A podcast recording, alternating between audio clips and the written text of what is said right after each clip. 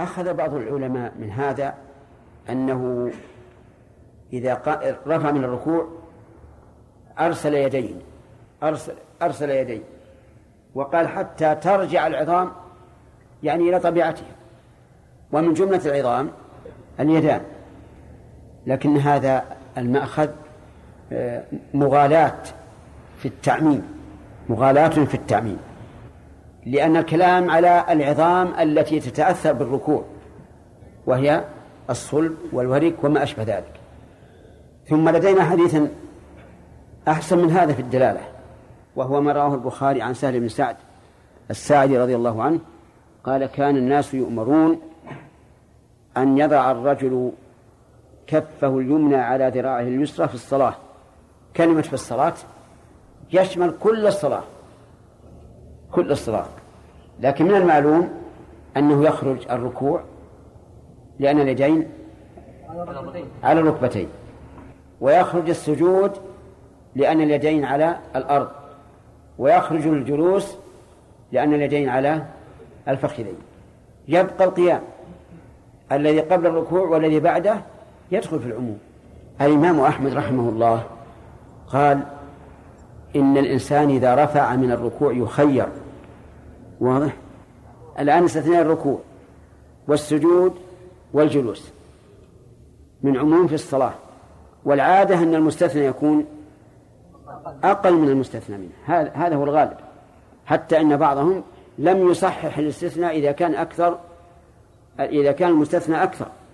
وقالوا مثلا إن الرجل إذا قال للشخص له عندي عشرة إلا سبعة يلزمه عشرة. لأن هذا الاستثناء غير صحيح. إذا كان إذا كان المستثنى أكثر فاذكر المستثنى واقتصر عليه. قل عندي له سبعة دراهم. أما تقول عشرة إلا سبعة هذا قلب. على كل حال الذي يظهر لي والذي نعمل به ومشايخنا هو أن أن ما بعد الركوع كالذي قبل الركوع. إلا شيخنا عبد الرحمن رحمه الله فإنه اتبع في ذلك نص الإمام أحمد وقال إن الإنسان يخير بين أن يضع اليد اليمنى على اليسرى وأن يرسل ورأيته يرسل كثيرا. وللنساء وأبي داود من حديث رفاعة بن رافع إنها لا تتم صلاة أحدكم حتى يسبغ الوضوء كما أمره الله. لا تتم ولم يقل لا تصح أو لا تقبل لا تتم.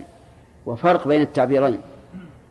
بين لا تتم أو لا تصح أو لا تقبل وما أشبه ذلك. حتى يسبغ الوضوء كما أمر الله. أمر الله يا ابن هارون. في قوله تعالى يا أيها الذين آمنوا إذا قمتم إلى الصلاة فاصلوا وجوهكم وأيديكم المرافق وامسحوا برؤوسكم وأرجلكم إلى الكعبين. هذه هذا اللي أمر الله. وقوله ثم يكبر نعم كما أمر الله تعالى تعالى أي ترفع سبحانه وتعالى عن كل نقص. فتعالى في مكانه وتعالى في صفاته. ثم يكبر الله تعالى. وهذه تكبيرة الإحرام. ويحمده ويثني عليه. هذا الاستفتاح.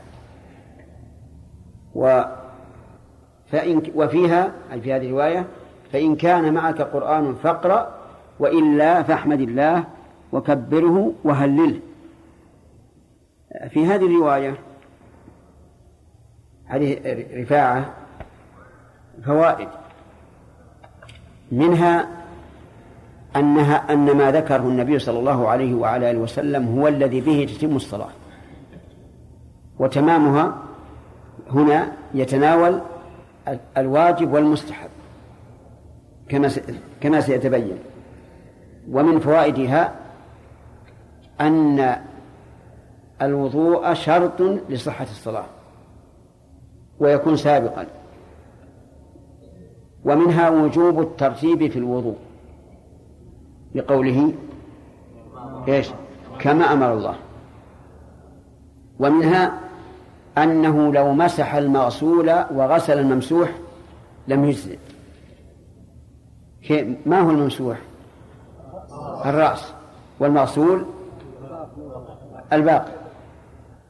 لأنه لأن قوله كما أمر الله الله أمر بالغسل الوجه واليدين والرجلين وأمر بمسح الرأس. فلو أن فلو مسح المغسول وغسل الممسوح لكان غير صحيح. لأنه لم يتوضأ كما أمر الله. ولقول النبي صلى الله عليه وعلى آله وسلم من عمل عملا ليس عليه أمرنا فهو رد. أي مردود على صاحبه. فأما إذا مسح المغسول فلا شك أنه لا أن وضوءه لا يصح. لأن المسح دون الغسل. ولا يمكن أن أن يجزي الأدون عن الأعلى. لكن إذا غسل الممسوح فالغسل أكمل. فيقال في الجواب عن هذا الغسل أكمل لكن الشرع أكمل فيجب اعتناق الشرع. والله عز وجل يقول ليبلوكم أيكم أحسن عملا؟ أحسن عملا.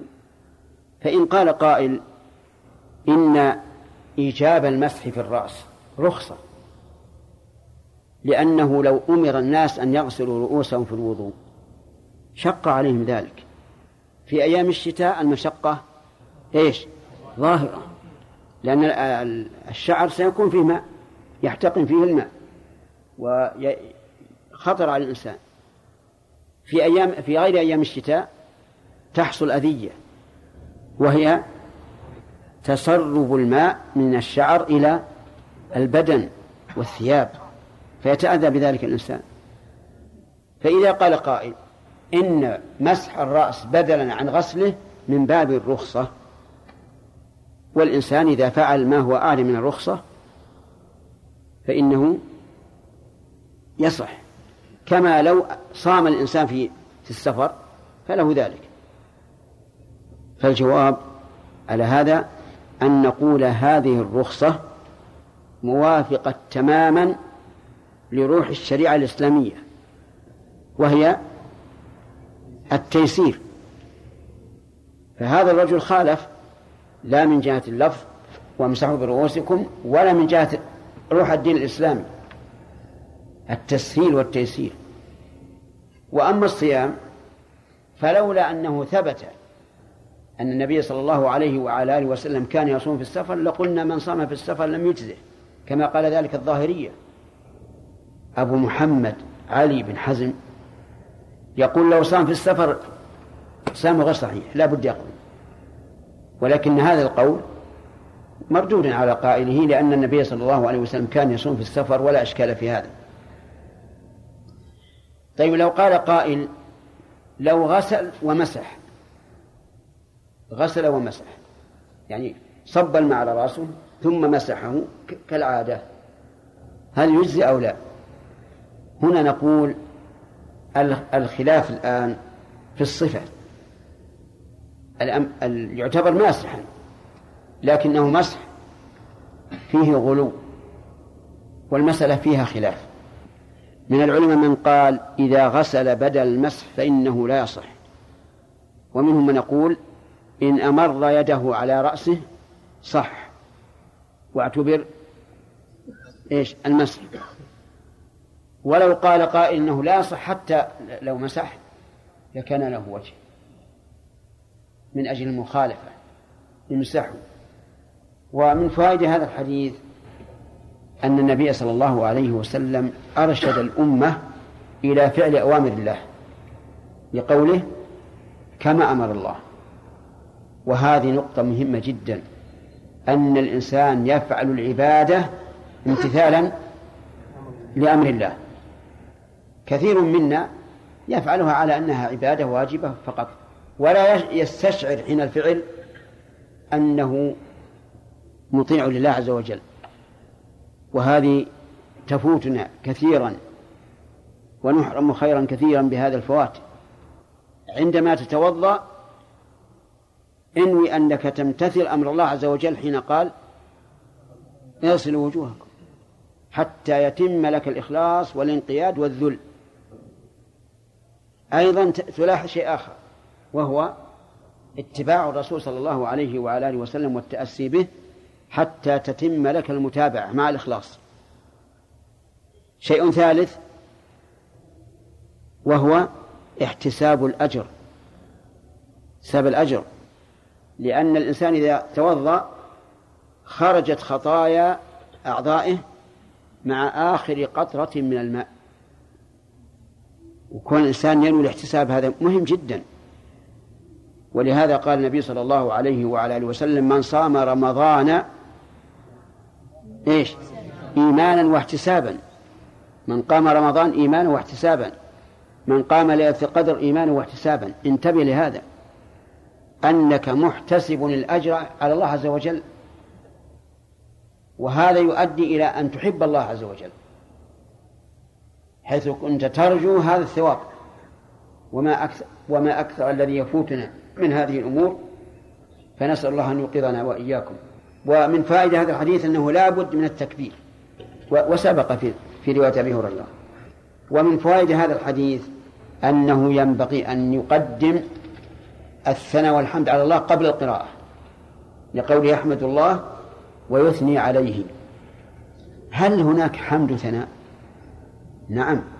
سبحانك اللهم وبحمدك وتبارك اسمك وتعالى جدك ولا إله غيرك. يحمد الله ويثني عليه. قلنا هذا دعاء الاستفتاح فإنه فيه الحمد والثناء.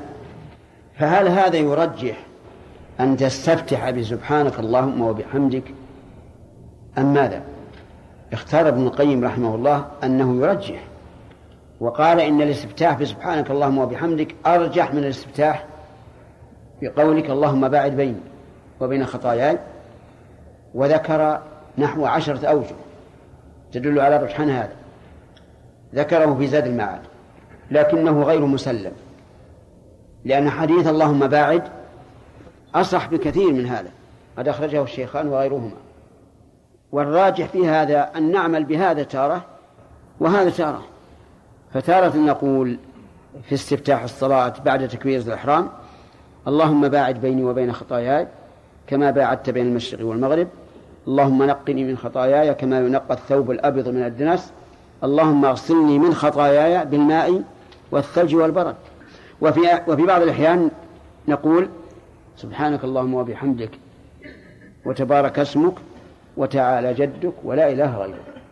فلو قال قائل أفلا يمكن أن نجمع بينهما؟ فالجواب لا. لا نجمع بينهما. لأن أبا هريرة لما سأل النبي صلى الله عليه وعلى آله وسلم ماذا يقول بين التكبير والقراءة؟ قال أقول اللهم باعد إلى آخره. ولو كان يقول سبحانك اللهم وبحمدك لذكره والباقي إن شاء الله الدرس القادم لئلا نظلم الموفق رحمه الله. نعم. بارك الله فيك. لو أن إنسان غسل اللصقة بدل مسح نعم. سواء ناسيا أو متعمدا. نعم. هذا لا بأس به. لأن الأصل في اللصقة هو الغسل. طيب الكافي يا جماعة. ها؟ ها؟ السيرة؟ طيب. إذا كان الرجل نعم. نعم. ما ما يستطيع يقول اللهم لك الحمد؟ لا بالشيء نعم. بالشيء بالاستفتاحات دعاء الاستفتاح إذا كان ما يعرف أي شيء يحمد ويثني عليه. مطلقا. مطلقا. نعم. فمن زاد على ذلك فقد تعدى أو أساء وظلم على أنه يحرم غسل الرأس مع مسحه. لا من زاد على ذلك في العدد. لا لا. حديث توضأ مرة مرة ومرتين مرتين وثلاثا ثلاثا وقال من زاد على ذلك. نعم. هل يقال أن حديث آه، رفاعة فيه اجمال من حيث قوله كما أمر كما أمر كما أمر الله بحيث آه، المضمضة والاستنشاق يعني المضمضة والاستنشاق يا رجل داخلة في رأس الوجه؟ هل أنفك في في رأسك من الخلف؟ أجب. لا. وفمك؟ كذلك. كذا. يدخل فيها. وداخل الأنف والفم في حكم الظاهر. ولذلك لو أن الإنسان تمضمض وهو صائم لم يبطل صومه. لكن الشيخ الصفة التي الاستنشاق والاستنثار وكذا يعني داخلة في غسل الوجه لا إشكال عندنا في هذا. ولا يحتاج أن نص عليها. ولهذا لما قال الفقهاء غسل الوجه قالوا ومنه أي من غسل المضمضة والاستنشاق. كيف؟ يا إلى إلى قبل أو خمس دقائق. نعم. شيخ أحسن الله إليكم. بالنسبة يعني بعض بعض العلماء يقولون أن ترتيب ترتيب يعني في أداء الوضوء آه، سنة ليست بواجب شيء بمعنى لو واحد يعني بدأ وضوء من الرجلين. ثم انتهى يعني بمسح رأسه يعني يجزئه. يعني لو لو, لو غسل رجليه ثم مسح رأسه ثم غسل يديه ثم غسل وجهه. نعم يجزئه؟ إيه قالوا يعني أن هذا يجزئه بس يجزئه؟ إيه يجزئه. سبحان الله. أنه يعني فقط يعني شيخ أنه يعني آه، فاته يعني سنة. سنة هي ترتيب شيء سنة. إيه السنة هي ترتيب. لأن الرسول ما ورد أن النبي صلى الله عليه وسلم يعني تودع غير مرتب إذا ورد على العين والرأس. على أنه لو ورد كان في احتمال أنه نسي لكن الأصل عدم النسيان. لكن ما ورد. والنبي صلى الله عليه وسلم قال حين أقبل على الصلاة أبدأ. بما دعا بما بدأ الله به. أرأيت لو بدأ من المروة؟ وقال الأمر على سبيل الاستحباب. أجب. نعم. خلاص الحمد لله. طيب شيخ لو واحد فعل مثل هذا الوضوء شنو- نعم ربما نقول إن آه، الترتيب يسقط بالنسيان لأن هذا إخلال بصفة لا. لا, بذات. يعني الإنسان لو نسي ركنا لزمه أن يأتي به. لكن هذا لا. يعني لو قيل بأنه يسقط بالنسيان كما قال به بعض العلماء لكن الأمر أسهل. مين وصلى الله وسلم على نبينا محمد وعلى آله وصحبه أجمعين. نكمل آه، الروايات التي ساقها ابن حجر رحمه الله في بلوغ المرام في حديث المسيء في صلاته. انتهينا إلى قوله فإن كان معك قرآن فاقرأ. وكلمة إن كان معك قرآن فاقرأ مطلق فيحمل على المقيد وهو أن الواجب أن تكون القراءة بفاتحة الكتاب. وقوله وإلا يعني وإلا يكن معك القرآن فأحمد الله يعني قل الحمد لله والله أكبر ولا إله إلا الله. هذا البدل الآن هل يساوي المبدل منه أو لا؟ الجواب لا. يساوي آية وبعض آية من الفاتحة. ولهذا نقول البدل لا يشترط أن يكون مساويا للمبدل منه. انظر إلى الصيام في كفارة ال- اليمين. كم؟ ثلاثة أيام. والإطعام إطعام عشرة عشرة مساكين. طيب فلا يشترط أن يكون البدل مساويا للمبدل منه وسيأتي إن شاء الله في الفوائد. ول- ولأبي داود ثم اقرأ بأم الكتاب وبما شاء الله. الواو للجمع. يعني اقرأ بالأمرين. بفاتحة الكتاب وبما شاء الله. الواو للجمع. يعني اقرأ بالأمرين. بفاتحة الكتاب وبما شاء الله. أم الكتاب هي الفاتحة وسميت أم أما لأن الأم ما يؤول إليه الشيء ويقصد ولهذا سمي كتاب الأعمال إماما كما قال عز وجل وكل شيء أحصيناه في إمام مبين لأنه يقتدى به أم الكتاب. أم الكتاب الفاتحة جميع معاني القرآن الإجمالية تشتمل عليها الفاتحة ففيها حمد وثناء وربوبية وألوهية وعبادة. وأخبار الأمم السابقة بالإجمال وأحوال الخلق ينقسمون إلى ثلاثة أقسام قسم أنعم الله عليهم وهم الذين علموا الحق وعملوا به وقسم غضب الله عليهم وهم الذين علموا الحق ولم يعملوا به كاليهود وقسم أرادوا الحق فضلوا عنه كالنصارى. المهم أنها أعني فاتحة الكتاب جمعت المعاني التي جاء بها القرآن. ومن أراد المزيد من ذلك فليرجع إلى كتاب ابن القيم رحمه الله مدارج السالكين فإنه أتى فيه بالعجب العجاب. حول الكلام على الفاتح وما تضمنته ولابن حبان ثم بما شئت بدل بما شاء الله. والمعنى واحد. لأن ما شاءه الله لا بد أن يشاءه العبد. لأن ما شاءه الله لا بد أن يشاءه العبد. وما شاءه العبد فقد حصل بعد مشيئة الله. فهما متلازمان. هل نحن أخذنا فوائد الحديث من الأول؟ طيب. آه في فوائد من فوائد الحديث. أولا الرد على الجبرية. الرد على الجبرية. لقوله إذا قمت فأثبت للإنسان قياما بإرادته ومن وجه آخر فأسبغ الوضوء. فيه رد على الجبرية لأننا لو قلنا إن الإنسان مجبر على عمله ما صح أن نأمره بشيء. لأننا إذا وجهنا إليه أمرا بشيء وهو مجبر صار هذا من تكليف ما لا ما لا يطاق. ومن فوائد هذه هذا الحديث أن الوضوء شرط لصحة الصلاة. لقوله أسبغ الوضوء ثم وهو كذلك. وإسباغ الوضوء يعني إكماله وهو نوعان. إكمال واجب وهو أن يقتصر فيه على مرة واحدة مرتبا وإسباغ كامل وهو أن يأتي به مرتين أو ثلاثا. فقد جاءت السنة بمرة مرة ومرتين مرتين وثلاثا ثلاثا وعلى وجه مختلف. جاءت السنة أن يغسل وجهه ثلاثا ويديه مرتين ورجليه مرة. فليفعل الإنسان هذا وهذا لتحصل له السنة على جميع وجوهها. و فإن قال قائل لم يذكر النبي صلى الله عليه وعلى آله وسلم الغسل من الجنابة. فالجواب أن الغسل من الجنابة بالنسبة للحدث الأصغر بالنسبة للوضوء قليل نادر قليل نادر. والنبي صلى الله عليه وعلى آله وسلم يتكلم على الكثير الغالب. ونحن نعلم من طريق آخر أنه لا بد لمن قام إلى الصلاة أن يغتسل من الجنابة كما في الآية الكريمة. إن كنتم جنبا فاطهروا. أه، ومن فوائد الحديث وجوب استقبال القبلة لقوله ثم استقبل القبلة.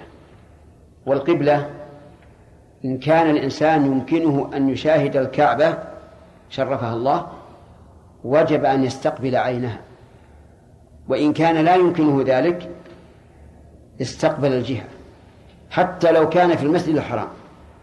إذا كان لا يمكنه فليتحرى الجهة وليصلي إليها. وكان الناس يعانون في المسجد الحرام من تحري الاتجاه إلى إلى الكعبة. لكن الرئاسة العامة للحرمين بارك الله فيهم جعلوا الآن خطوطا في في الأماكن التي ليس فيها بلاط متجه للكعبة من أجل أن يكون التحري منضبطا ويسقط استقبال القبلة في ثلاثة أمور في ثلاثة أحوال. يسقط استقبال القبلة في ثلاثة أحوال أو في على الأصح في ثلاثة أحوال. العجز ودليل ذلك قول الله تعالى فاتقوا الله ما استطعتم. كإنسان مريض على سريره لا يستطيع أن يتجه فيسقط عنه الاستقبال. الثاني الخوف لقول الله تعالى فإن خفتم فرجالا أو ركبانا. والخائف إذا كان هاربا لا يتسنى له أن يقف ليستقبل القبلة لأنه أجب لأنه خائف. لو وقف أدركه العدو لو وقف إذا كان هاربا من نار أدركته النار. لو وقف إذا كان هاربا من واد أدركه الماء, الماء المهم الخائف. الثالث النافلة في السفر. النافلة في السفر فإنه يسقط استقبال القبلة ويتجه الإنسان حيث كان وجهه. دليل هذا أن النبي صلى الله عليه وعلى آله وسلم كان يصلي النافلة على راحلته حيث ما توجهت به. والأفضل أن يستقبل القبلة عند تكبيرة الإحرام. فإن لم يفعل فلا حرج. هذه ثلاثة مواضع أو ثلاثة أحوال يسقط بها استقبال القبلة. ومن فوائد هذا الحديث وجوب التكبير التكبيرة التكبيرة الأولى. لقول يا محمود لا. الحديث بين يديك الآن. من يعرف؟ لقوله فكبر. لقوله فكبر يعني قل الله أكبر. هذه التكبيرة لا يمكن أن يدخل الإنسان في الصلاة إلا بها. لو وقف واستشعر عظمة الله عز وجل وقال الله أجل الله أعظم فإن ذلك لا يجزئه. لابد أن يأتي بالتكبيرة والتكبيرة لها شروط. إن شئتم ذكرناها وإن شئتم تركناها. مذكورة؟ الحمد لله. طيب. أن يقول الله أكبر بهذا اللفظ ولا يجزئ غيرها إلا لإنسان لا يستطيع. والتكبيرات غير تكبيرة الإحرام. قيل إنها سنة وقيل إنها واجب. والقائلون بأنها واجب يستثنون تكبيرة واحدة وهي ما إذا أدرك الإمام راكعا. فهنا يكبر الإحرام قائما وإذا أهوى إلى الركوع فالتكبير في حقه سنة.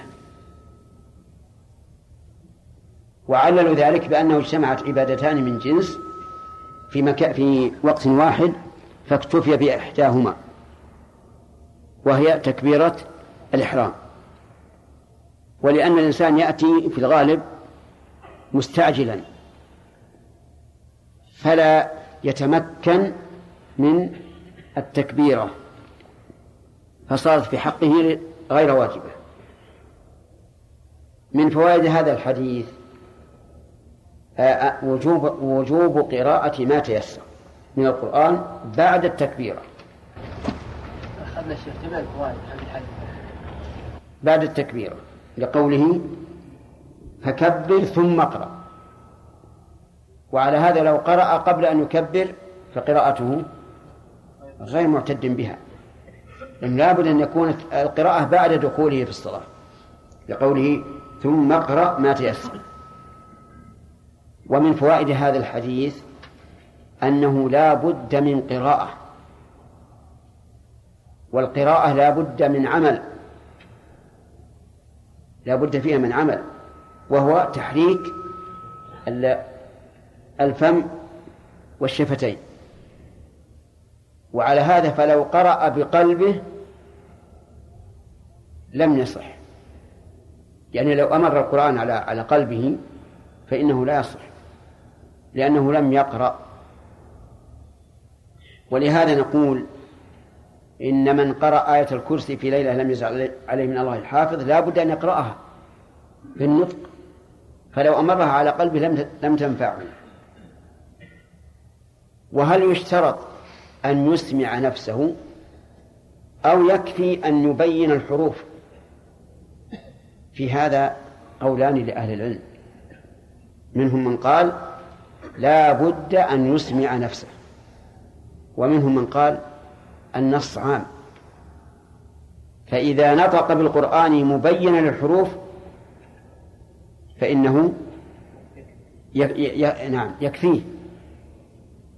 وهذا القول أقرب للصواب. ولأن والحقيقة آه نعم أقرب للصواب لأنه يصدق عليه أنه قرأ. ولأننا لو قلنا إنه يشترط أن يسمع نفسه لانفتح على الإنسان باب الوسواس. وصار يقول هل أنا أسمعت نفسي أو لا؟ ثم إن رفع صوته زيادة ها؟ شوش على الناس. فالراجح أنه لا يشترط أن يسمع نفسه وهو اختيار شيخ الإسلام ابن تيمية رحمه الله. وهل نقول هذا في كل قول اعتبر فيه النطق؟ أنه لا بد أن يسمع نفسه أو لا. مثل لو طلق الإنسان زوجته وقال زوجتي طالق بكلام لم يسمعه لكنه نطق به فهل تطلق أو لا؟ نقول أما على القول بأنه لا يشترط في القول اسماع إسماع النفس فإنها تطلق وأما على القول بأنه يشترط إسماع النفس فقالوا إنه إنها تطلق أيضا. تطلق احتياطا للطلاق. وأوجبنا إسماع نفسه في القراءة احتياطا نعم للركن أن يأتي به. والقول الراجح في الأمرين أنه لا يشترط إسماع نفسه لا في الطلاق ولا في القراءة. لكن لو طلق وسواسا لأن بعض الناس نسأل الله العافية يصاب بالوسواس في الطلاق. وطلق لكن بغير إرادة. هل يقع الطلاق أو لا؟ لا يقع الطلاق لأنه مغلوب عليه. وقد قال النبي صلى الله عليه وعلى آله وسلم لا طلاق في إغلاق. من فوائد هذا الحديث تيسير هذه الشريعة الإسلامية التي أسأل الله أن يتوفاني وإياكم عليها. كلها يسر ولهذا قال ما تيسر معك من القرآن. وهكذا كل أوامر الشريعة على هذا الأساس مبنية على هذا الأساس يا أخوان. اسمع قول الله عز وجل يريد الله بكم اليسر ولا يريد بكم العسر. واسمع قوله وما جعل عليكم في الدين من حرج. واسمع توصية النبي توصية النبي صلى الله عليه وسلم رسله الذين يبعثهم إلى دعوة الناس يقول يسروا ولا تعسروا وبشروا ولا تنفروا فإنما بعثتم ميسرين ولم تبعثوا معسرين ومن تأمل الشريعة وجدها مبنية على ذلك إن جئت الأوامر من أصلها وجدتها ميسرة إن جئت الأوامر حين الصعوبة تجد أنها تيسر والحمد لله فإن قال قائل هل يقرأ القرآن بلغته أو باللغة العربية؟ فالجواب باللغة العربية لأنه لا يصدق عليه أنه قرأ القرآن إلا إذا أداه باللغة العربية. أفهمتم؟ اقرأ ما تيسر من القرآن. اللغة غير العربية ما تسمى قرآنا. فإن قال قائل إذا كان لا يستطيع إلا لغته نقول الحمد لله. يأتي بدل القرآن بالذكر الذي الذي ذكر في أثناء هذا الحديث. احمد الله وكبره وهلله. لأن الذكر لا يشترط أن يكون باللغة العربية. فنقول أنت عاجز عن الفاتحة اقرأ بلغتك. إيه نعم. هلل وأحمد وكبر بلغتك. من فوائد هذا الحديث أن أن الذي يلي القراءة الركوع ثم اركع. فلو سهى واستفتح ثم ركع ثم قام وقرأ الفاتحة فإن ذلك لا يصلح. بل عليه أن يعيد الركوع مرة ثانية لأن النبي صلى الله عليه وعلى آله وسلم رتب هذه الأركان بثم. ومن فوائد هذا الحديث وجوب الركوع والطمأنينة فيه. لقول أركع. وسبق لنا تعريفه ومقدار الواجب منه. وكذلك مقدار الواجب من الطمأنينة. ومن فوائد هذا الحديث وجوب الرفع من الركوع. لقول ثم ارفع. وهل يشترط قصد الركوع أو لا؟ أنا قصدي وهل يشترط قصد الرفع من الركوع أم لا؟ الجواب؟ نعم يشترط. وعلى هذا فلو أن إنسانا كان راكعا ثم سمع وجبة يعني سقوط شيء ثم فز قام هل يعتد بهذا القيام أو لا يعتد؟ قام يا جماعة. قال الحمد لله أنا قمت خلاص يكفي الركوع اللي مضى. فالجواب؟ أنه لا يكفي. لماذا؟ لأن النبي صلى الله عليه وعلى آله وسلم نص ثم ارفع. فلا بد من إرادة الرفع ونية الرفع. ومن فوائد هذا الحديث أنه لا بد من القيام التام بعد الركوع. لقوله حتى تعتدل قائما. والألفاظ الأخرى حتى تطمئن. فلو رفع قليلا من الركوع وهو منحني لم يجزئ اللهم إلا أن يصيبه شيء ما يستطيع أن يستقيم فهنا نقول اتق الله ما استطاع. لأنه أحيانا يصاب الإنسان بما يسمى بشد العصب. ما يستطيع ينهض. فنقول اتق الله ما استطعت. ومن فوائد هذا الحديث وجوب السجود بعد الرفع من الركوع لقوله اسجد وهذا مطلق. لكن جاء في حديث ابن عباس رضي الله عنهما أنه لا بد من السجود على سبعة أعظم. الجبهة ويتبعها الأنف والكفين والركبتين وأطراف القدمين. وبأيهما يبدأ؟ أبي الركبتين أم باليدين؟ الحديث هنا ما ليس فيه شيء. فإذا رجعنا إلى الأصل بقطع النظر عن ورود السنة رأينا أن الترتيب الجسدي أن يبدأ بإيش؟ بالركبتين. يبدأ بالركبتين ثم بالكفين ثم الجبهة مع الأنف وهذا هو المطابق للحالة الطبيعية وهو أيضا المطابق للسنة. لأن النبي صلى الله عليه وعلى آله وسلم قال إذا سجد أحدكم فلا يبرك كما يبرك البعير. والبعير إذا برك يبرك ليش يبدأ بإيش؟ باليدين. هذا معروف. هذا معروف. يبدأ باليدين. كل إنسان يشاهد البعير إذا برك يبدأ بيديه. فينحط مقدم جسمه قبل مؤخره. وقد جاء في نفس الحديث المذكور وليضع يديه قبل ركبتيه. وهذه مفرعة على ما سبق. فاختلف العلماء رحمهم الله في هذا. منهم من أخذ بآخر الحديث ومنهم من لم يأخذ به. وقال الأصل في الحديث الجملة الأولى وهي المطابقة أيضا للأحاديث الأخرى مثل لا إذا سجد أحدكم فلا فلا يفرش يديه افتراش السبع وقالوا العمل على الجملة الأولى. فماذا نصنع في الجملة الثانية؟ قال ابن القيم رحمه الله في زاد المعاد إنها منقلبة على الراوي. وقال إن انقلاب الشيء على الراوي لا ليس بغريب. وذكر لهذا أمثلة في نفس الزاد زاد المعاد. وصدق رحمه الله أنها منقلبة عند التأمل لأنه إذا قال لا يبرك كما يبرك البعير كان الذي يتوقع السامع أن يقول وليضع ركبتيه قبل يديه لكن قال وليضع يديه.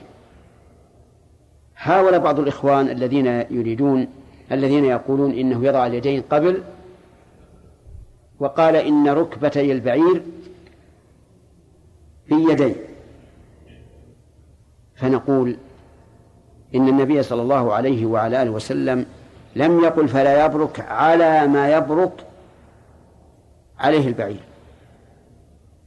بل قال فلا يبرك كما يبرك.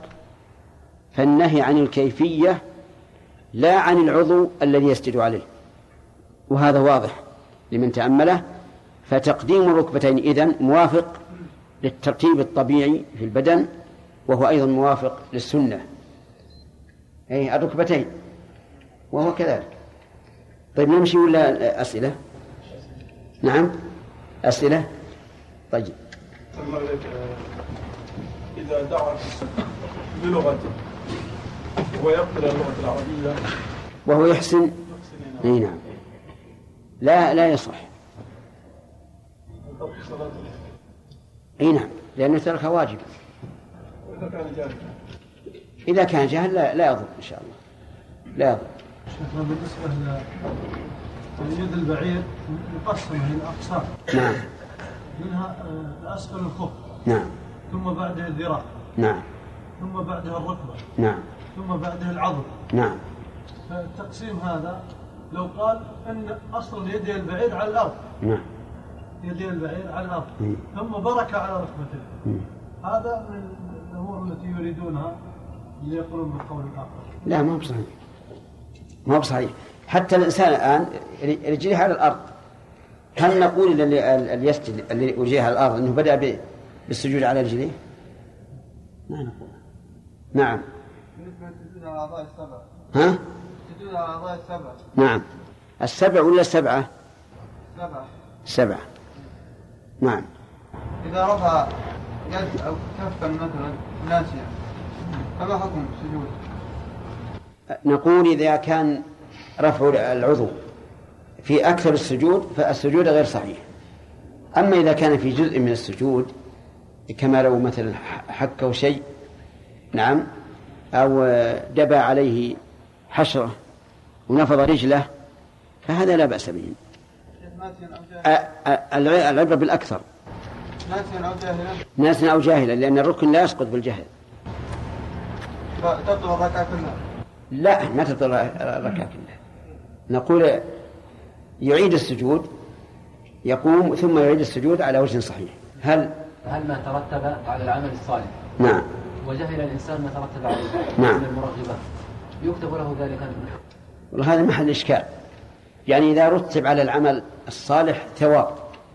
وفعله الإنسان على أنه مأمور بذلك دون أن يحتسب الأجر. هل يكتب له الأجر أو لا؟ هذا محل إشكال.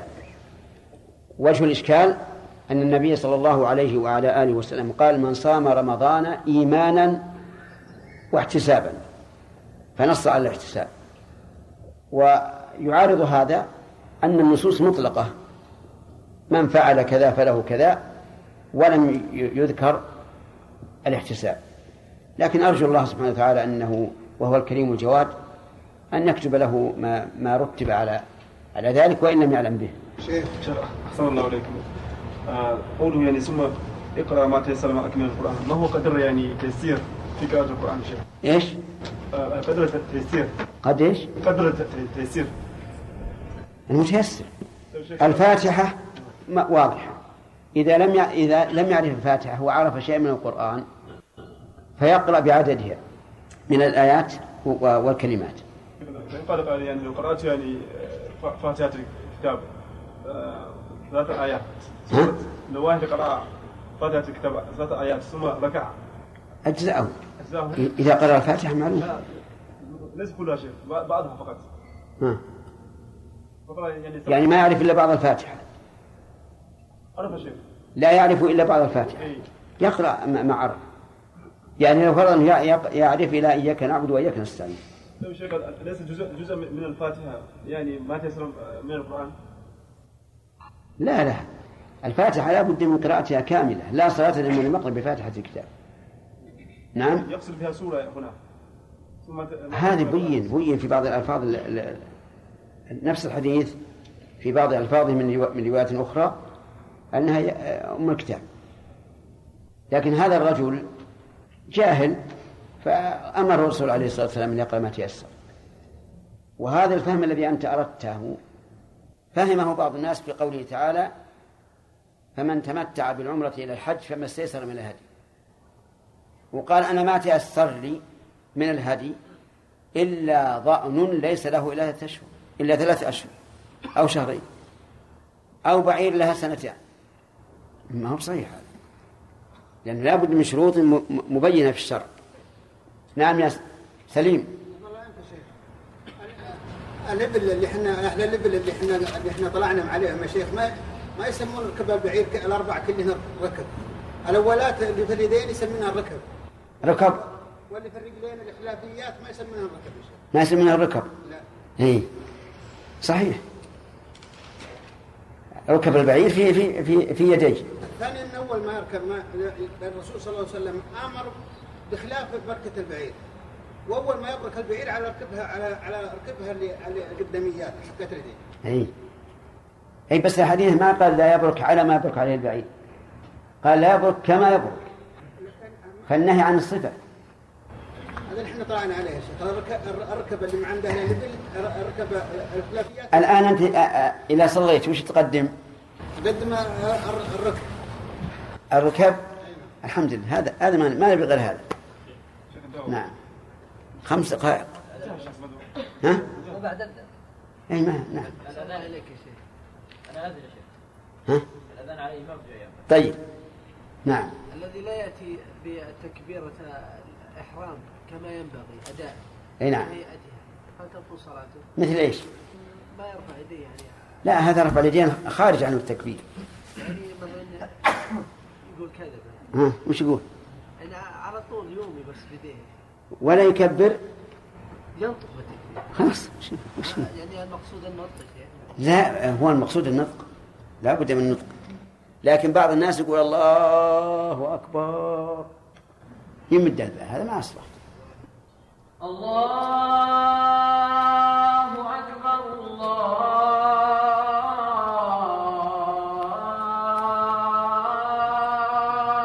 الله أكبر. لا أنت أنت وقت عجيب. شيخ بارك الله فيكم في الفاتحة آه، قسم النصارى. بعض العلماء كما مر معنا أن يقول من ضل من عباد من عبادنا أشبه النصارى. فما هو المقدار الذي يضل حتى يشبه النصارى فيه؟ آه.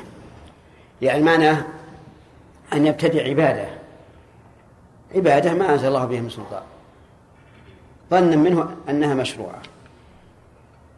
ومن ذلك أن يطيل فيما ينبغي تخفيفه فإنه يكون ضلالا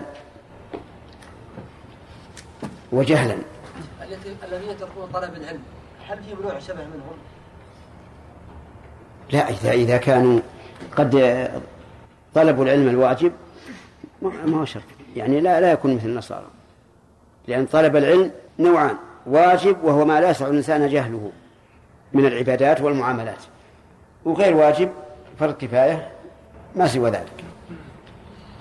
لو أن الإنسان قرأ الفاتحة في الصلاة لكنه لا يخرج الحروف من مخارجها مثلا ينطق الحاء هاء.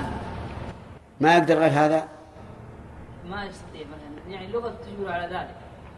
اي نعم هل تصح الصلاة؟ الظاهر إنها تصح إن شاء الله ما دام ما يقدر لأن بعضهم ما يقدر. بعضهم ما يقدر يقول الحمد لله بالحاء. فالظاهر اتقوا الله ما استطعتم لا لا بأس. نعم. لوراء أي نعم. قوله صلى الله عليه وسلم وإلا فاحمد الله وكبره وهلل نعم. لو اقتصر على التحميد أو التكبير. لا لا بد من ثلاثة. نعم. عبد الله. لو سجد على بعض يجزئ. يجزئ من كل عضو بعضه. أي نعم يجزئ. يجزئ من كل عضو بعضه. حتى قال الفقهاء رحمهم الله لو لو سجد على يده مقلوبة. أجزأ. ولو سجد ولو سجد على ظهور أصابعه. أجزأ. ظل. من أتى بعبادة على وجه غير صحيح جاهلا ومضى هل؟ إذا كان في مكان يعذر فيه بالجهل فإنه لا يطالب. ولهذا لم يأمر النبي صلى الله عليه وسلم هذا الرجل أن يعيد ما سبق. أما إذا كان مفرطا فينبغي أن يلزم بقضاء ما فات ما لم يكن في ذلك مشقة. إيش؟ الذي قال لا استطيع ان اخرج من القران شيئا فعلمني من يسلم مني قال استغفر الله لله لا الله اكبر لا حول ولا قوه الا بالله العلي العظيم نعم. شيخ ما نحمل الحديث هذا بمعنى؟ الحديث عبد الله بن ما يمكن لأن ذا- ذاك في زيادة. واذا كان شخص جاهل إذا كان إذا كان في زيادة فتحمل الزيادة على أنها آه، أكمل. إذا كان شخص جاهل يا شيخ معلمه أي حديث؟ جاهل بإيش؟ ما يعرف القرآن. طيب. نقول له إذا كان لا يعرف القرآن ولا يمكن تعلمه في الوقت فيحمد الله ويكبر ويهل خلاص؟ على هذا الوجه غلط. لأنه يقول عن أبي هريرة أن النبي صلى الله عليه وسلم قال إذا قمت إلى الصلاة. الخير قبل من على حسب ظاهر الكلام. لأبي هريرة. والاختصار المخل لا ينبغي في التأليف. فلهذا كان عليه رحمه الله أن يقول قال لرجل إذا قمت إلى الصلاة حتى لا يظن السامع أن المقول له هو أبو هريرة. آه، ما معنى الطمأنينة يا أحمد؟ الطمأنينة يا شيخ. الإنسان يطمئن في إيه. والأكل أن الإنسان يأكل. إيه، ما أت... ما أتي بفائدة. ما معنى الطمأنينة؟ نعم. السكون وإن قل. طيب. هل يشترط أن يكون بقدر الذكر الواجب أو لا؟ الأخ. لا يشترط. نعم. يعني لو ركع ثم رفع بزمن أقل من أن يقول سبحان ربي العظيم. هل أتى بالركن؟ سؤالي هل أتى بالركن أو لا؟ ما أتى. هو ركع واطمأن واستقرت العظام في محلها لكن رفع قبل أن يت... قبل في زمن لا يتمكن أن يقول سبحان ربي العظيم. طيب.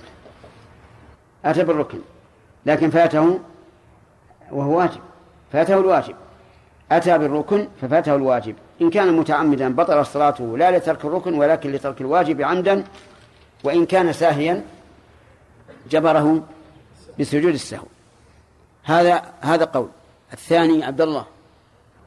أن الطمأنينة هي السكون بقدر الواجب وبناء على ذلك لا يكون في هذا المثال مطمئنا. تمام. كيف قال النبي صلى الله عليه وعلى آله وسلم إنك لم تصلي مع أن الرجل صلى. عبد الله. تصلي يعني الصلاة الصحيحة. النفي هنا لإيش؟ نفي نفي للصحة. نفي نفس الصحة. طيب ذكرنا أن النفي يكون على ثلاثة وجوه بمراحل. يلا يا فيصل. نفي الصحة. لا بالترتيب بالترتيب بالترتيب. سعد؟ أنت سعد ولا سعود؟ سعد طيب. الوجود أول. نعم. إن تعذر بأن وجد الشيء فهو؟ يحمل على نفي الصحة. ها؟ إذا تعذر الشيء يحمل على نفي الصحة. إذا تعذر أن يحمل على نفي الوجود. ها؟ حمل. الصحة طيب. فإن تعذر؟ إذا تعذر حمل على نفي الكمال. حمل على نفي الكمال. انتبه لهذه القاعدة. فمثلا لا يؤمن من لا يأمن جاره بوائقه. هل نقول ليس معه إيمان؟ أو نقول لا يصح إيمانه؟ أو نقول لا يكمل إيمانه يا عبد الرحمن بن إبراهيم؟ لا يكمل إيمانه. لا يكمل إيمانه. لا يكمل إيمانه. لأن إيمانه صحيح ومعه إيمان في الواقع. انتبه لهذه القاعدة فإنها مفيدة. إذا يجب أن نحمل النفي على نفي الوجود أولا. فإن تعذر فنفي الصحة فإن تعذر فنفي الكمال. وش معنى تعذر في نفي الصحة يعني دل الدليل على أن على أن المنفي صحيح. طيب كيف أمره النبي صلى الله عليه وسلم أن يصلي صلاة غير صحيحة؟ يلا عبد الرحيم. وذلك يعني يكون أدعى لأن يتعلم أو أدعى لأن يعلم الصفة الصحيحة. كرر عليه الرسول عليه الصلاة والسلام أن يصلي من أجل أن يكون أشد أشد تشوقا للعلم. طيب. لماذا يا إبراهيم قال والذي بعثك بالحق لا أحسن غير هذا؟ لم يقل والله. يبين أنه سوف يقبل ما يرشد إليه النبي صلى الله عليه وسلم. ليبين استعداده لقبول ما يقوله النبي صلى الله عليه وسلم لأنه حق. تمام. إذا نأخذ من هذا فائدة وهي أنه ينبغي للإنسان أن يجعل القسم مناسبا للمقسم عليه. نعم. طيب. قوله في حديث رفاعة بن رافع ثم يكبر ويحمد الله ويثني عليه. ما المراد به يا علي؟ دعاء الاستفتاح. ما هو؟ سبحانك اللهم وبحمدك سبحان الله مشكل كان ما تعرف دعاء الاستفتاح نعم؟ إيش؟ وتبارك؟ لا غلط. هذا غلط. ها؟ غلط. يحيى. تبارك اسمك وتعالى. سبحانك اللهم وبحمدك وتبارك اسمك وتعالى جدك ولا إله غيرك. صحيح؟ وش الغلط اللي ذكر الأخ؟ لأن حمزة جعل قطع لأنه جعل همزة الوصل همزة قطع قال تبارك اسمك وهذا غير صحيح. طيب أم أم القرآن أو أم الكتاب هي الفاتحة. لماذا سميت بذلك؟ لأنها جمعت ما في القرآن من المعاني كخلق الإنسان. يعني معاني نعم أصول المعاني في القرآن كلها تضمنتها الفاتحة. ولهذا سميت فاتحة الكتاب لأنها تفتح علم الكتاب. بارك الله فيكم. انتهينا من هذا الحديث. أخذنا فوائد أظن أخ... نعم؟ قبل عند مسألة تقديم الركبتين على اليدين عند السجود. إيه، لكن أخذناها. نعم؟ أخذنا الحمد لله. نأخذ درس جديد. اقرأ الحديث. جعل. واذا ركع انكر يديه من ركبتيه ثم حصل ظهره واذا رفع راسه استوى حتى يعود كل فقار مكانه فإذا سجد وضع يديه غير ولا قاتلهما واستقبل باطراف اصابع يديه القبله وإذا جلس في الركعتين جلس على رجله اليسرى ونصب اليمنى وإذا جلس في الركعة الأخيرة قدم رجله اليسرى ونصب الاخرى وقعد على مقعدته اخرجه البخاري بسم الله الرحمن الرحيم. قال المؤلف رحمه الله فيما نقله في سياق الأحاديث في صفة صلاة النبي صلى الله عليه وعلى آله وسلم. وعلمنا بصفة صلاة النبي صلى الله عليه وعلى آله وسلم أمر ضروري. لأن كل عمل لا يقبل إلا بأمرين إخلاص ومتابعة. والمتابعة لا تمكن إلا إذا عرفنا كيف كان النبي صلى الله عليه وعلى آله وسلم يتعبد الله حتى نتابعه قال عن أبي سعيد رضي الله عنه قال رأيت النبي صلى الله عليه وسلم إذا كبر جعل يديه حذو منكبيه جعل يفسرها الروايات الأخرى رفع. يديه حذو منكبيه.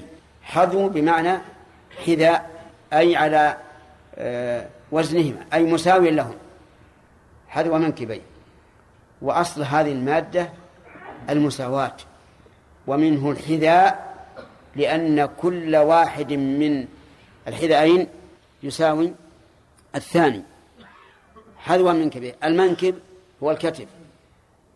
وهل هو يجعل اليد الكف أو أطراف الأصابع أو أسفل الكف. كل هذا وردت به السنة. كل هذا وردت به السنة.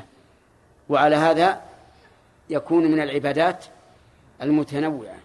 لكن سياق الحديث الذي معنا جعل يديه حذو منكبين نقول إذا أشكل علينا هل المراد أعلى اليدين أو أسفل اليدين؟ يحمل على الوسط. يحمل على الوسط. هكذا. ولن يبين كيفية الأصابع. هل هل هو يفرق بين أصابع هكذا أو يضم؟ وهل هو يقول هكذا كأنه طائر أو يقول هكذا؟ يفهم هذا من أحاديث أخرى غير الحديث هذا اللي معنا. جعل يديه حذو منكبيه وإذا ركع أمكن يديه من ركبتيه يعني ضم على ركبتيه حتى تتمكن اليدان من الركبتين. وقد عبر الفقهاء عن ذلك بكونه يقبض ركبتيه. ثم هصر ظهره. هصره يعني نزله. وضده أن يقوس الظهر. فهنا تقويس الظهر وهصر الظهر ومساواته مع الرأس. المشروع الثاني. أن يحصر ظهره ويساويه مع رأسه. أما أن يحدودب فلا. وقد جاء في الحديث أن النبي صلى الله عليه وعلى آله وسلم يحصر ظهره ويجعل رأسه حيالة حتى لو صب عليه الماء لاستقر من شدة المساواة. بعض الناس تجده يقوس ظهره وبعض الناس يعدل ظهره لكن يرفع رأسه. رأسه وظهره. وبعض الناس يحصر ظهره ورأسه حتى ينزل كثيرا. ولكن الأمر كله جائز بالنسبة للجواز وكله مجزئ لكن خير الهدي هدي محمد صلى الله عليه وعلى آله وسلم. اعرف كيف كان صلى الله عليه وعلى آله وسلم يركع واركع مثله. نعم. فإذا رفع رأسه استوى حتى يعود كل فق يعود كل فقار مكانه. إذا رفع يعني من الركوع. استوى. يعني اعتدل. والاستواء في الأصل بمعنى الكمال. ويطلق على معان كثيرة. حسب ما يتقيد به. فإن جاء مطلقا فهو بمعنى الكمال. ومنه قول الله تبارك وتعالى ولما بلغ أشده واستوى أي كمل في العقل وذلك ببلوغ أربعين سنة. ويأتي مقيدا بعلى ومنه قول الله تبارك وتعالى وجعل لكم من الفلك والأنعام ما تركبون لتستووا على ظهوره ثم تذكروا نعمة ربكم إذا استويتم عليه. فتكون بمعنى على ومنه قول الله تعالى الرحمن على العرش استوى أي على على العرش عز وجل. وتأتي مقيدة بإلى تقول استوى إلى كذا ومعناه قصد إلى كذا على وجه تام في الإرادة والقدرة. استوى إلى كذا أي انتهى إليه على وجه تام من الإرادة والقدرة. ومنه قول الله تبارك وتعالى ثم استوى إلى السماء فسواهن سبع سماوات على أحد التفسيرين. الرابع أن تقيد بالواو فتكون بمعنى التساوي. تقول استوى فلان والباب. يعني إيش؟ تساووا معه. تساووا مع الباب. وهنا هل نفهم الطول ولا القصر؟ ما ندري الباب. وإن كان قصير. نعم. نعم. هو نظر الباب أول. لكن في الغالب إذا قيل فلان طول الباب يعني أنه طويل. طيب. استوى استوى فلان والسقف هذا طويل. لكن هذا في الغالب. ومنه قولهم استوى الماء والخشبة. يعني تساوى مع الخشبة. ويسمون هذه واو المعية. وتنصب ما بعدها. أفهمتم؟ أفهمتم؟ يسمونه واو المعية والذي بعدها يسمى مفعولا معه. وبالمناسبة وإن لم يكن درس نحويا نذكر لكم بيتا في المفاعيل. يقول إن المفاعيل خمس مطلق وبه وفيه معه له فانظر إلى المثل. ضربت ضربا أبا عمرو غداة أتى وسرت والنيل خوفا من عقابك لي. حفظتم؟ حفظتم. إن المفاعيل خمس مطلق وبه وفيه معه له. وانظر إلى المثل. يعني الأمثلة. ضربت ضربا أبا عمرو غداة أتى وسرت والنيل خوفا من عقابك لي. ثالث إن المفاعيل خمس مطلق وبه وفيه معه له. وانظر إلى المثل. المثل يعني الأمثلة. ضربت ضربا أبا عمرو غداة أتى وسرت والنيل خوفا من عقابك لي يحيى لا بدون واو. نعم. لا. باقي. وسرت والنيل خوفا من عقابك لي ضربت ضربا. ضربا هذا مفعول مطلق. وإن شئت فقل مصدر. أبا عمرو مفعول به. غداة أتى مفعول فيه. الظرف يسمى مفعولا فيه. وهذه عبارة ابن مالك في الألفية المفعول فيه وهو مسمى ظرفا. ونعم وسرت والنيل مفعول معه. خوفا من عقابك لي مفعول لأجله. نعم. طيب نرجع الآن إلى آه، ما نحن فيه. يقول استوى حتى نعم. استوى حتى يعود كل فقار مكانه فقار يعني الفقرة فقرات الظهر. إذا اعتدل الإنسان بعد الركوع عادت كل فقرة إلى مكانها. فإذا سجد وضع يديه غير مفترش ولا قابضهما. إذا سجد وضع يديه على إيش؟ على الأرض. غير مفترش ذراعين. ما يفتش الذراعين بل ينصب الذراعين. ولا قابضهما أي قابض يديه. يعني يضمها إلى إلى صدره. بل يفرج. لأن هذا أقوى وأنشط ولا نعم. واستقبل بأطراف أصابع رجليه القبلة. إذن يكون سجوده بالنسبة للرجلين على صدور القدمين لأنه لا يتم استقبال أطراف الأصابع القبلة إلا إذا كان على الصدور. ولهذا قال النووي رحمه الله ينبغي إذا سجد أن يرص على قدميه يعني يضغط حتى تتجه الأصابع إلى القبلة. ونعم وإذا جلس في الركعتين جلس على رجله اليسرى ونصب اليمنى. إذا جلس في الركعتين. يعني التشهد الأول أو الأخير في الصلاة الثنائية. لأن الأخير في الصلاة الثنائية جلوس في الركعتين. جلس على رجله اليسرى ونصب اليمنى. طيب كيف يجلس على اليسرى؟ يجعل ظهرها إلى الأرض وبطنها إلى أليته فيجلس عليها وينصب اليمنى يستقبل بأطراف أصابعها القبلة ويجعلها منصوبة.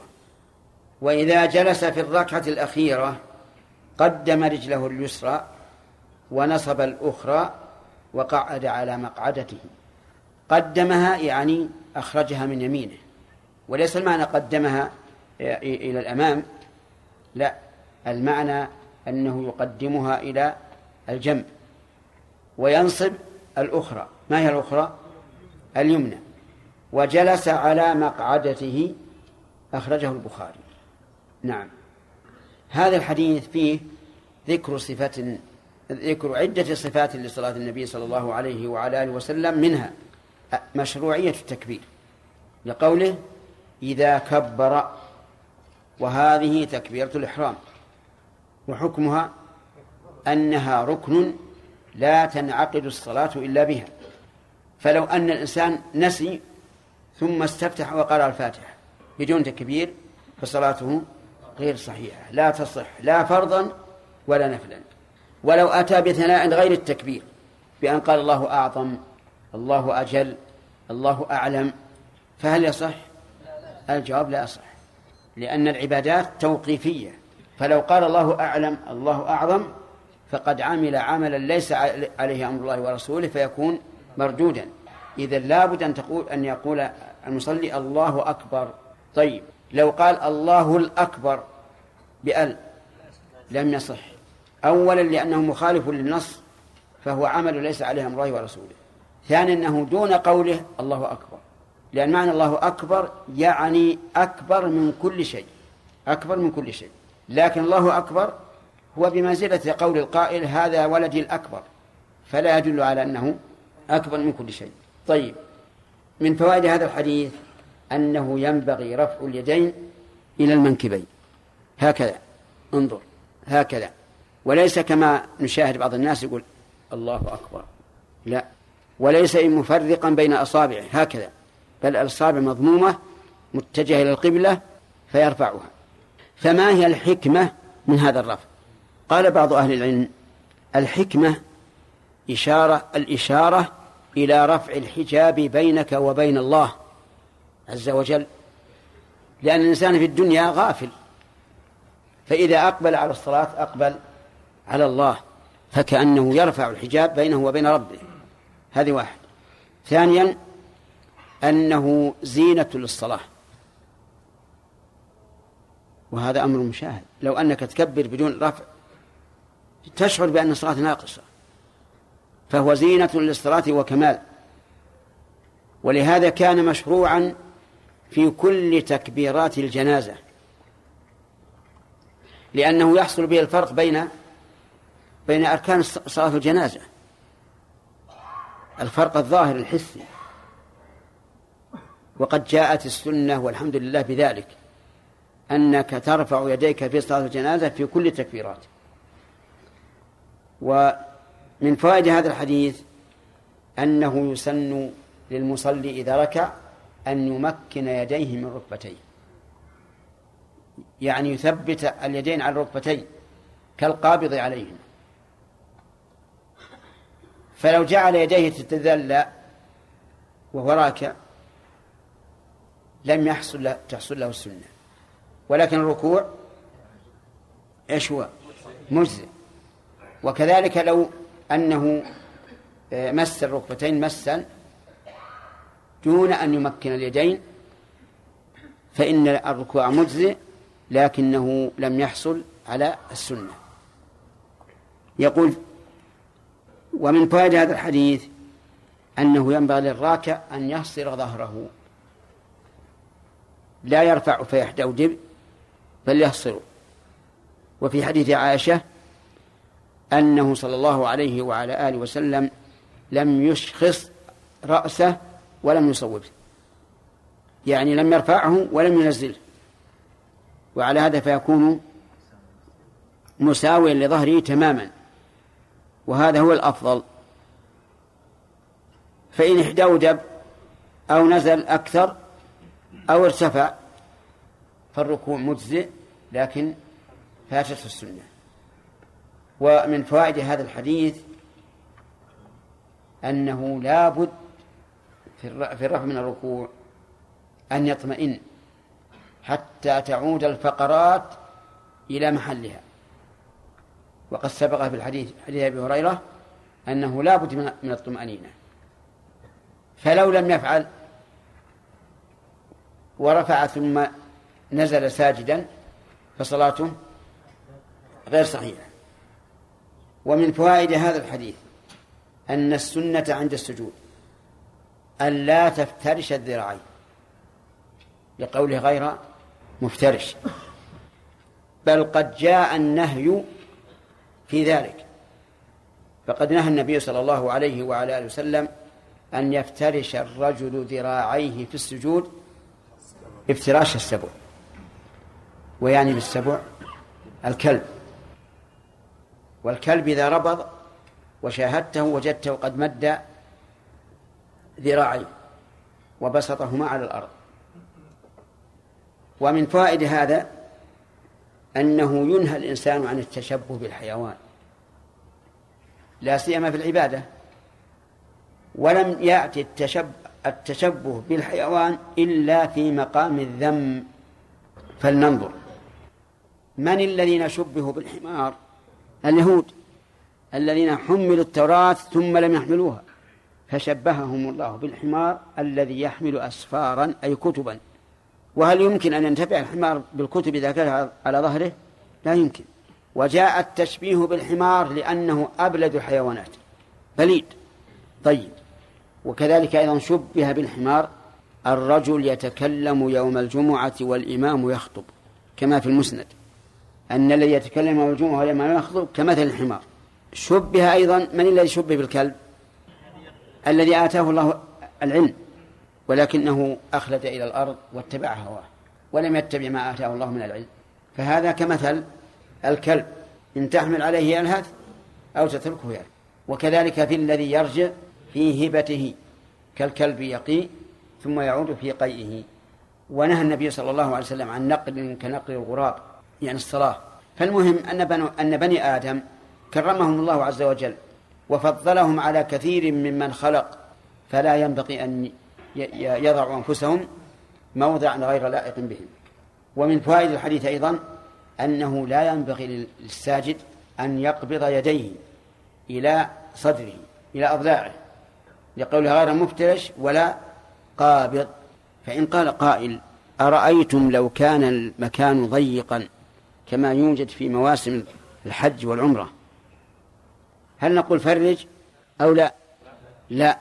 لماذا؟ لأنه يؤذي جارة و وترك السنة من أجل دفع الأذية أولى من الأذية؟ أظن جاوبت السؤال. ها؟ نعم. ترى الحق لكم لكن إن, إن, إن أضعتموه لا تلومونني. شيخ بارك الله فيكم. ما حد التدريج الذي تحصل به السنة؟ نعم. لقد جاء في حديث أن البهمة تمر من تحت النبي صلى الله عليه وسلم. نعم. نعم هل تمر من من الذراع من هنا؟ إيه. لا من من من, من عند البطن. يرفع الظ- الظهر واليدين كذا. لأنه إذا ضمهن ما تدخل. تكون هذا الشيخ معتدلة. أي هكذا.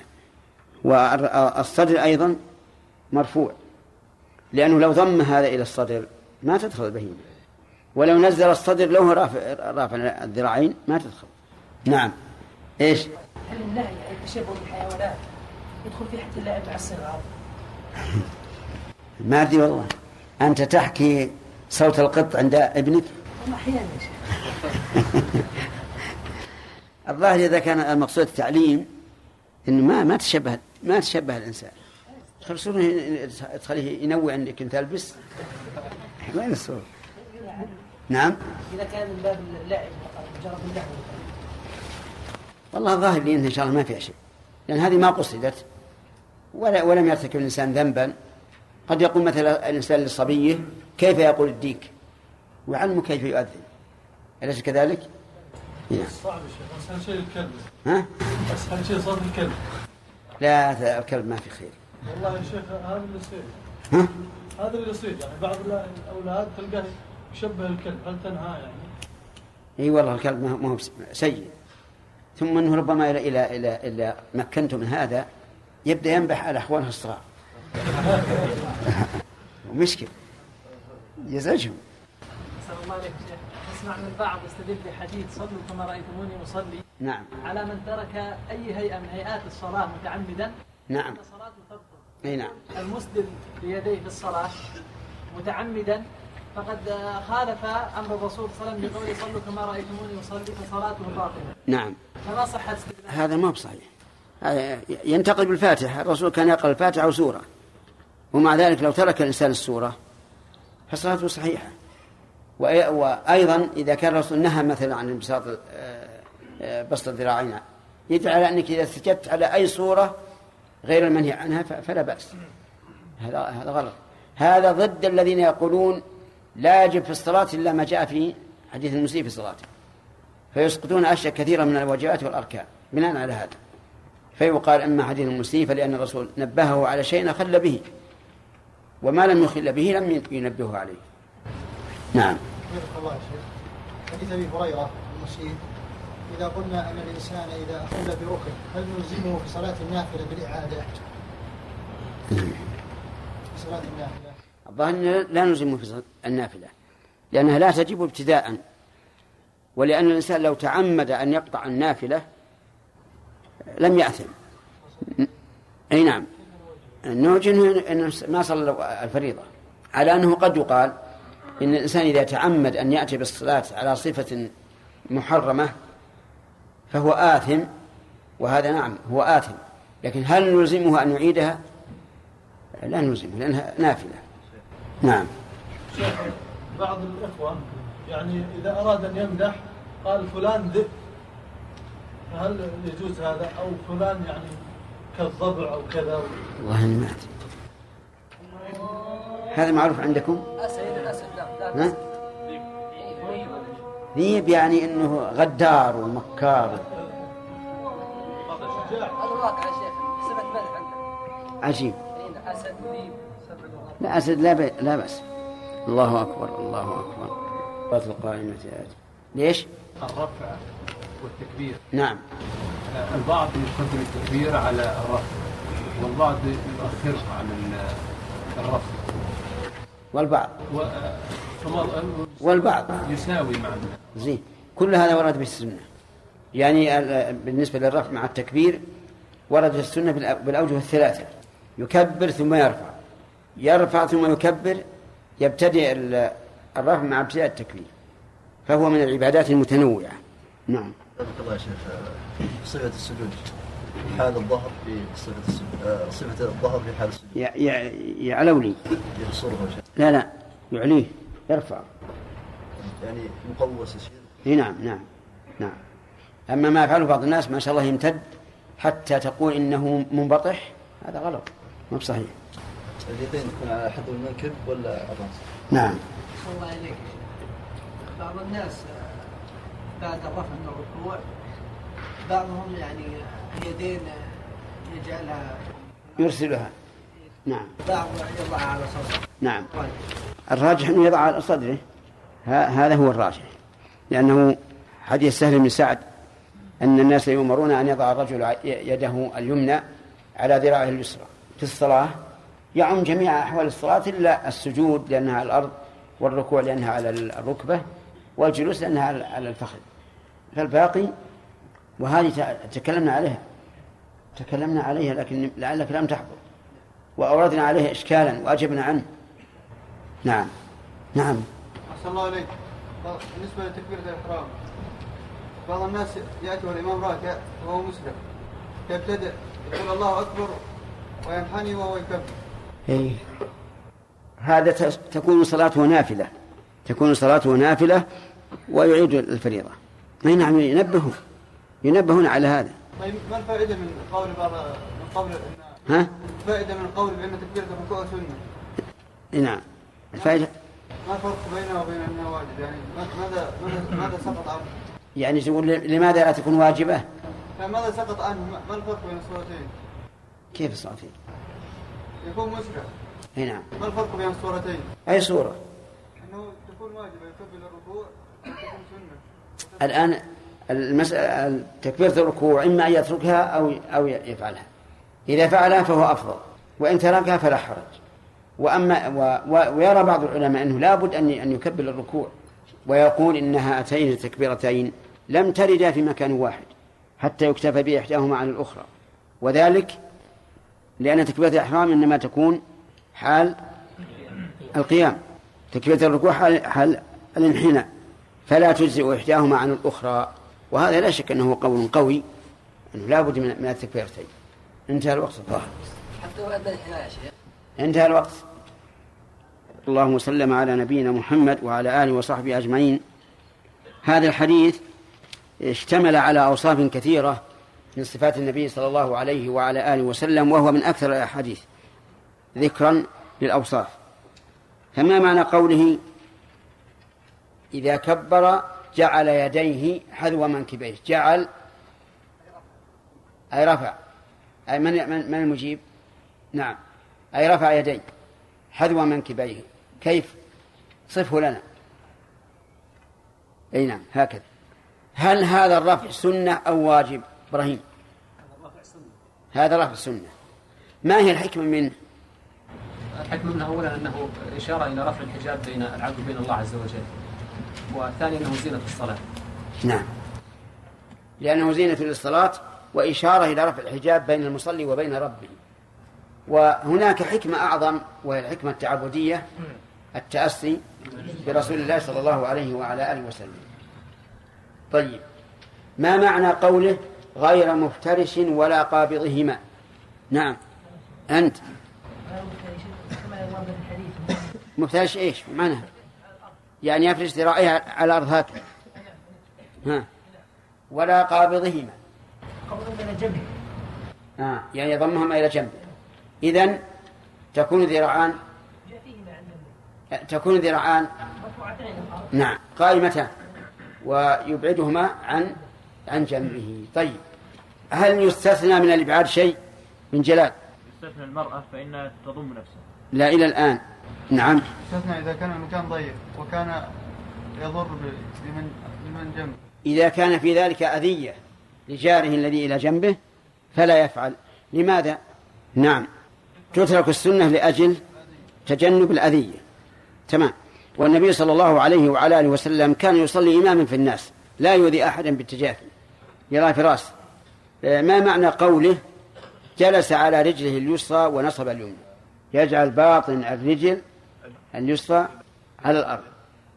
ها؟ باطن نعم. إلى بفخذه بينما ظاهرها إلى ظهر الرجل للأرض وبطنها عند مقادته على نعم يلي مقادته صحيح. آه، إذا جلس في الركعة الأخيرة ما المراد بالركعة الأخيرة جاز جزاء؟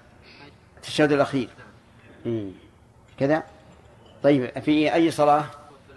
الصلاة الرباعية والثلاثية. إحنا وصلنا إلى هذا ولا؟ ها؟ فوائد إيه؟ ما وصل طيب إذا نقتصر على هذا. آه، انتهينا في الفوائد إلى قوله أنه لا ينبغي للساجد أن يقبض يديه إلى صدرة السجود نعم. من فوائد حديث أبي حميد أنه ينبغي للساجد أن يستقبل بأطراف أصابع رجليه القبلة. ما هي أطراف أصابع الرجلين عرفناها فيما سبق. هما هي الأصابع. وعلى هذا فيفصل رجلة حتى تستقبل الأصابع القبلة. طيب. وهل يجزئ أن يضع أطراف الأصابع على الأرض بدون استقبال القبلة؟ الجواب نعم. يجزئ لعموم قوله في حديث ابن عباس أمرت أن أسجد على سبعة أعظم إلى أن قال وأطراف القدمين. لكن السنة أن تستقبل الأصابع القبلة. وماذا تكون الرجلان في هذا الحال؟ أمفرقتين أم مضمومتين؟ قال بعض أهل العلم بل لا تكون مفرقتين. حتى حدد بعضهم أن ذلك بمقدار شبر. ومعلوم أن التحديد يحتاج إلى توقيف. ولو قال هذا القائل إنه يفرج بين رجليه حسب الطبيعة حسب الطبيعة. والناس يختلفون. بعض الناس ما شاء الله عريض وبعضهم إيش؟ دقيق. يعني بعضهم يكون الشبر صغير عليه صغيرا عليه وبعضهم يكون كثيرا عليه. يعني لو قيل إنه يجعل الرجلين على طبيعتهما لا لا يضم بعضهما إلى بعض ولا يفرج. لو قيل هكذا لكان له وجه. إن كنا نحدد بالشبر لا. ولكن مع هذا نقول إن ظاهر السنة أنه يضم بعضهما أي بعض القدمين إلى بعض. لأنه هكذا جاء في صحيح ابن خزيمة رحمه الله. وهكذا جاء في صحيح مسلم لما فقدت عائشة النبي صلى الله عليه وعلى آله وسلم وطلبته وجدته ساجدا ناصبا قدميه فوضعت فوقعت يده يدها عليهما منصوبتين. وهذا يدل على أنهما إيش؟ مضمومتان مضمومتان وإلا لما أحاطت يد المرأة بهما.